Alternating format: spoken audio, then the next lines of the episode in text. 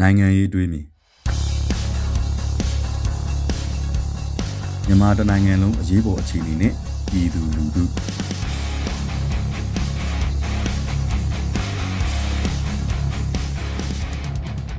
ခရစ်တဂရစ်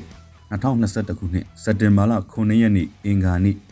ကောဇာတဂရစ်1383ခုနှစ်တော်တလင်းလာဇန်2ရက်နေ့မှာအ မျိုးသားညီညွတ်ရေးအစိုးရအဖွဲ့ကမြန်မာတနိုင်ငံလုံးကိုအရေးပေါ်အခြေအနေဖြစ်ကြီးညာလိုက်ပါတယ်။ပုံမှန်အားဖြင့်တော့အစိုးရတရက်ကအရေးပေါ်အခြေအနေကြီးညာတယ်ဆိုလို့ရှိရင်ပြည်သူတွေကတုံ့လှုပ်ခြောက်ခြားလေးရှိကြပါတယ်။ခုကြတော့ဗျာတနိုင်ငံလုံးကပြည်သူစစ်စစ်တွေကတုံ့လှုပ်ခြောက်ခြားခြင်းမရှိဘဲနဲ့ပျော်ရွှင်နေကြပါတယ်။ဘာလို့လဲဆိုတော့စစ်ကူမုန်းလို့စစ်ကူကြိုပြီးပျော်ရွှင်နေကြတဲ့ပြည်သူတွေဖြစ်နေကြတာပေါ့ဗျာ။မြန်မာနိုင်ငံဟာတကဘာလုံးမှာ ပြည်တွင်းစစ်အရှိကြဆုံးတိုင်းပြည်လို့ပြောစမှတ်ပြုရလောက်အောင်ကိုပြည်တွင်းစစ်မီတငွေ့ငွေ့လောင်ကျွမ်းနေခဲ့တဲ့တိုင်းပြည်တစ်ခုဖြစ်ခဲ့ပါတယ်။ဒါကြောင့်မလို့ပြည်သူတွေကစစ်ကိုမုန်းကြပါတယ်။စစ်ပွဲကြောင့်ဖြစ်ရတဲ့အနိဋ္ဌာယုံတွေဟာတိုင်းသားပြည်သူတွေရဲ့ရင်ထဲမှာဆွဲထင်နာကျင်နေကြရပြီးတော့လေရင်ပြန်တန်ကြားတာနဲ့ဒီအိမ်ကိုစွန့်ခွာထွက်ပြေးနေရတဲ့အဖြစ်ကဒီကနေ့ထိဖြစ်ပျက်နေသေးပါပဲ။အခုလိုမျိုးတနိုင်ငံလုံးအရေးပေါ်အခြေအနေကြီးညာပြီးလို့ရှိရင် ပြည်တော်စုနယ်မြေတချို့ကိုလေရင်မပြန်တမ်းရနယ်မြေတွေအဖြစ်ထပ်ပြီးတော့ကြီးညာရပါလိမ့်အောင်မယ်ဒီလိုမျိုးစစ်ကိုမုန်းကြတဲ့ပြည်သူတွေဟာဘာကြောင့်ဖြစ်ပေါ်လာမဲ့စစ်ပွဲကိုကြိုးစိုးနေရပါသလဲမင်းအောင်လိုင်က2021ခုနှစ်ဖေဖော်ဝါရီလ1ရက်နေ့မှာနိုင်ငံတော်သမ္မတနဲ့နိုင်ငံတော်ရဲ့အတိုင်ပင်ခံပုဂ္ဂိုလ်အပါအဝင်အစိုးရအဖွဲ့ဝင်များနဲ့ရွေးကောက်ခံလွှတ်တော်ကိုယ်စားလှယ်တော်ကြီးတွေကိုဖမ်းဆီးပြီးတော့တိုင်းပြည်အာဏာကိုမတရားလူယူသိမ်းပိုက်အုပ်ချုပ်ခဲ့ပါတယ်။ ဒါကိုမကျေနပ်တဲ့ပြည်သူတွေကတနိုင်ငံလုံးနေရာအသီးသီးကနေစန့်ကျင်ဆန္ဒပြခဲ့ကြပါတယ်။ဒါကမှမင်းအောင်လိုင်ကသူ့ရဲ့အကြမ်းဖက်စစ်ခွေးနဲ့ရဲခွေးတွေကိုအသုံးပြုပြီးတော့ရရဆက်ဆက်ဖမ်းဆီးတပ်ဖြတ်ပစ်ခဲ့တာအားလုံးအသိပါပဲ။အဲဒါကြောင့်မလို့ပြည်သူလူထုပေါ်မှာနိုင်ထက်စီးနှင်းရက်ဆက်ပြုတ်မှုတဲ့မင်းအောင်လိုင်နဲ့အကြမ်းဖက်အဖွဲ့ကိုပြန်လည်ဖမ်းဆီးနှိမ်နှင်းရေးယူနိုင်မှုအတွက်ကျွေးကောက်ခံလွှတ်တော်ကိုယ်စားလှယ်ကြီးများဟာမြန်မာနိုင်ငံရဲ့ လွတ်မြောက်နေမည်တနေရာမှာစုဝေးကြပြီးတော့အမျိုးသားညီညွတ်ရေးအစိုးရဆိုတဲ့ပြည်သူအစိုးရတရက်ကိုဖွဲ့စည်းတင်မြှောက်ခဲ့ကြပါတယ်။ဒီပြည်သူအစိုးရကနေမည်အသီးသီးမှာပြန့်ကျဲနေတဲ့ပြည်သူတော်လှန်ရေးအဖွဲ့တွေနဲ့တိုင်းရင်းသားလက်နက်ကိုင်အစုအဖွဲ့တွေကိုပါစုစည်းပြီးတော့စက်တင်ဘာလ9ရက်နေ့ကစလို့မြန်မာပြည်သူပြည်သားများအားလုံးဝမ်းသာပျော်ရွှင်ရမယ့်နေ့အထိအဲတနည်းအားဖြင့်အမျိုးသားအောင်ပွဲရမယ့်နေ့အထိတနိုင်ငံလုံးအရေးပေါ်အခြေအနေအဖြစ်ကြီးညာလိုက်ပြီးတော့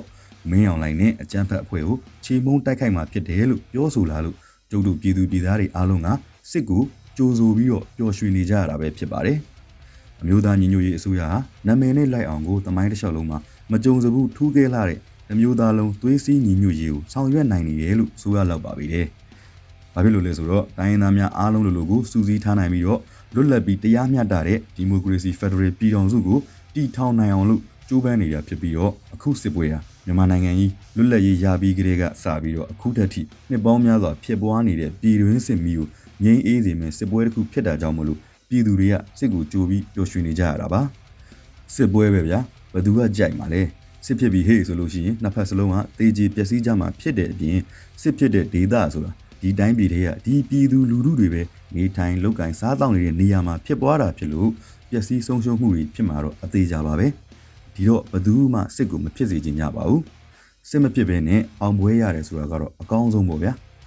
အေးမင်းအောင်လိုင်ရဲ့အကြမ်းဖက်အဖွဲ့ကလက်နက်ကင်တောင်းကျမ်းသူတွေအားလုံးဒါကိုနားလေသဘောပေါက်ပြီးတော့ပြည်သူလူထုထံမှာလက်နက်ချအလင်းဝင်လိုက်မယ်ဆိုရင်တော့အကောင်းဆုံးပဲပေါ့ဗျာအဲ့ဒီလိုမှမဟုတ်ရင်တော့စစ်ပွဲဆိုတဲ့အတိုင်းအထီးခိုက်ဆုံးရှုံးမှုတွေနဲ့နာကျင်မှုတွေကိုကြုံတွေ့ရနိုင်ပါတယ်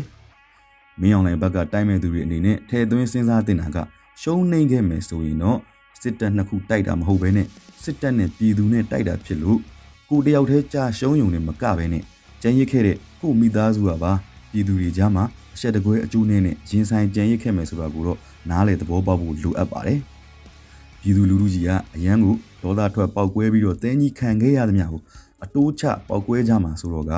ခမရတို့ရဲ့ကြံရစ်ခဲ့မဲ့မိသားစုအရေးကိုလည်းထည့်သွင်းစဉ်းစားကြရမယ်ဗျဘူကျုပ်တွေဘူကျုပ်ကြီးတွေဆိုတာသူတို့ရဲ့မိသားစုဝင်တွေအားလုံးကို ဟိုးဘေးလို့ရနိုင်ငံသားတွေမှာလွတ်ထားရှောင်ထားခိုင်းပြီးတော့ဒင်းတို့ကအေးအေးဆေးဆေးနှက်နေကြတာဆိုတော့သူတို့အတွက်ကတော့အလွတ်ကြီးဗျာ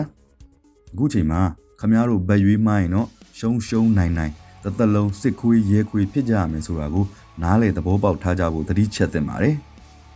ပြည်သူလူထုတွေအနေနဲ့ကတော့စစ်ကိုမုန်းလို့စစ်ကိုကြိုးဆိုခဲ့ကြပြီးပြီဆိုတော့လိုအပ်တာတွေကိုပြင်ဆင်ထားကြဖို့လိုပါတယ်စစ်ဆိုတာလည်းလေးနဲ့တိုက်လို့မရတာကြောင့်လိုအပ်တာလေးတွေကိုအရင်အထက်ပို့ပြီးတော့ကူညီကြဖို့အရေးကြီးပါတယ်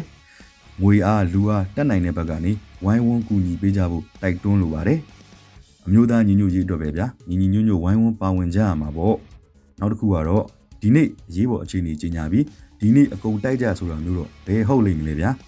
အရေးပေါ်အခြေအနေကြီးညာမယ်။နောက်လိုအပ်လို့ရှိရင်ပြည်တော်စုနေမြေတွေကို no fly zone ဖြစ်ကြီးညာမယ်။အဲ့ဒီကနေမှထပ်မံထွက်ပေါ်လာမဲ့လွတ်မြောက်နေမြေတွေကိုကြီးညာပါလိမ့်မယ်။စစ်ပွဲဆိုတာတစ်နေ့တစ်ရက်ထဲနဲ့ပြီးမြောက်မယ်လို့မဆိုနိုင်တဲ့အတွက် စစ်ပွဲကြီးပြီးဆုံးလို့အမျိုးသားအောင်ပွဲရတဲ့နေ့အထိပြည်သူတွေကတောင့်ခံထားနိုင်မှုလိုအပ်ပါတယ်။ဒီတော့တယောက်နဲ့တယောက်ဝိုင်းဝန်းဖေးမကြပြီးတော့ဒီအကြက်တွေကိုကြော်လွှားကြဖို့လုံးဝကိုအရေးကြီးပါတယ်။မျိုးသားအောင်ပွဲမရမချင်းပြည်သူအချင်းချင်းဖေးမကူညီကြပါလို့ပြောကြလိုပါတယ်။အရေးတော်ပုံကအောင်ပွဲစီကိုတဖြည်းဖြည်းနီးကပ်လာနေပါပြီ။မတရားမှုတွေခြုံငိမ့်ပြီးတော့တရားမျှတမှုတွေပြန်လည်ရောက်ရှိလာတော့မှာပဲဖြစ်ပါတယ်ဗျာ။ကဘာမှာ မြန်မာဟာသမိုင်းသစ်တစ်ခုကိုရေးထိုးပြီးကဘာသူကဘာသားတွေကိုပြန်လည်သင်ပြနိုင်တော့မယ့်အချိန်ကိုရောက်ရှိတော့မှာပါ။ဒီအတွက်အားလုံးကဒီသမိုင်းရေးရဲ့အထင်မှာပါဝင်ကြဖို့တိုက်တွန်းလိုပါတယ်။အရေးတော်ပုံမုတ်ချအောင်တော့မည်